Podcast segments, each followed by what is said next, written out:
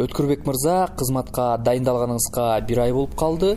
Ишти эмнеден баштап жатасыз? Эми өткөндө дагы кандидатура каралып атканда жогорку кеңеште дагы ушул суроолор берилген. Биринчиден өзүбүздөн бүгүнкү күндөгү прокуратуранын баркы бедел баркын көтөрүү үстүндө иштеп өзүбүздөн тазалануу биринчиден өзүбүздүн кызматкерлерге бир иштөө жолун эл менен болгон мамилени башкачараак кылып мыйзам чегинде бир талаптарды коюп өзүбүздүн бир бедел баркыбызды көтөрүп үстүндө иштесек деген ойдо анан ошо менен бирге эле мына совет безопасности коопсуздук кеңешинде президенттин айтылган сын пикирлери аябай туура орду менен да баардык ошондой иштер баары бүгүнкү күндө деле. Ишенсеңер бүгүнкү күндө ал иштер бүтө элекпиз биз дагы мөөнөтү коюлган ооба мөөнөтү коюлуп определенный бир сроктогу жылдары эле каралды иштер. Аны каралып баардыгын азыр чоң чоң депутаттар да азыр чоң чоң иштерди сурап атат. Ал иштер эми жыйырма том он беш том аны бир адам эки адам бир убакыт карап окуп алса анын жыйынтыгын карап бир. Э, өзүңүз айттыңыз прокуратуранын ичинде тазалануу керек депчи. Анан механизмин кандай көрүп атасыз? Кантип тазаланып атасыз мисалы? Кандай болуп атат? Эми бул акыркы болгон фактылар да. Ошол фактылы жана өткөндө ошол фактыны менен эле биз кандай болуп бизге бир мындай сабак катары калсак болот. Эми ошо профилактика иштерди жүргүзүп айтып түшүндүрүп атабыз. Отчеттор буюрса депутаттардан он жетинчи жылдын отчетун бүтүрүп алсак региондорду кыдырып кыдырып чыгабыз барып жолугабыз. Кайсы маселелер бар? Просто ошону азыр биз кандай жолугабыз кандай жуюштурабыз ошону азыр иштеп атабыз ошону жасап алып анан план бекитип алып чыгабыз. Сөзсүз чыгабыз буюрса учурда жылуулук электро борбору улуттук тарых музейи ат майдан боюнча териштирүү башталды. Коомчулукта ушул иштер аягына чыкпай калат деген кооптонуу бар. Анан бул иштер аягына чыгат деп ишенип турасызбы? Азыр мына козулган азыр бүгүнкү күндө коомчулукта баягындай мындайча айтканда резонанстуу иштер деп коет. Ошол иштер бүгүнкү күндө тергөөсү жүрүп атат.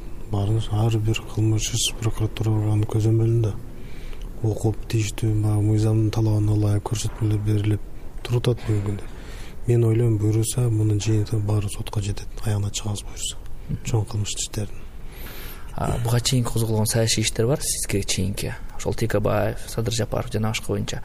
Мына ушул боюнча сыр текебаев боюнда жаңы иштер ачылат дегендей кылып атат. Бул боюнча эмне маалыматтар бар азыр?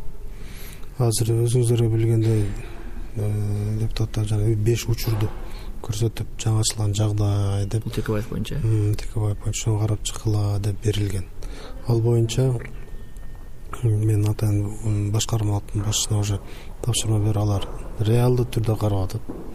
Ошо жыйынтыгы менен реалдуу түрдө расмий билдирилет да тараптаргачы депутаттар азыр эми карап атат азыр жакында эле болбоду эки үч күн болду мен азыр толук.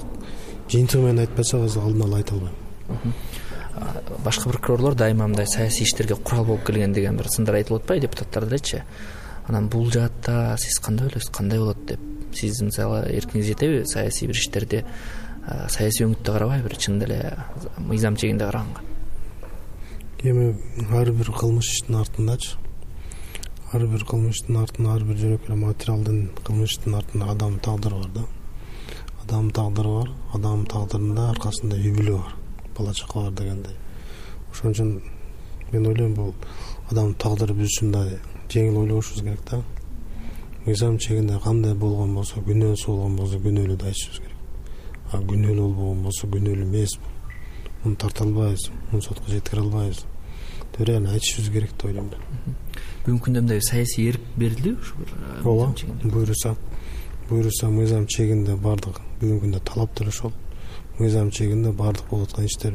Мыйзам чегинде жазасын алгыдай болсун деп талап. Эми мыйзам деле ошондой да. Андан кийин наркы берки эмелерге аралашкандын кереги жок демек саясий иштерге мындай аралашам деп ойлобойсуз? Жок кереги жок. Мыйзам чегинде иш алып барабыз болду. Бузулду мыйзамдын талабы деп. Коррупцияга каршы күрөш боюнча прокуратуранын орду кандай? Эми азыр бул жерде мына жемкорлук деп атабыз да. Бул баарыбыз ар кимибиз өзүбүздөн да башташыбыз керек да. Каер жерге барсаң азыр мынтип эле сөз да каерге барсаң бул да сурайт бул дагы тигиндей андай кылат жемкорлук бул жерде бар тиги жерде бар а коомчулукка өзүбүз биринчи жардам беришибиз керек да. Өзү баары биз өзүбүз жалгыз прокуратура органы органы же башка укук коргоо органдары жалгыздын колунан келбейт.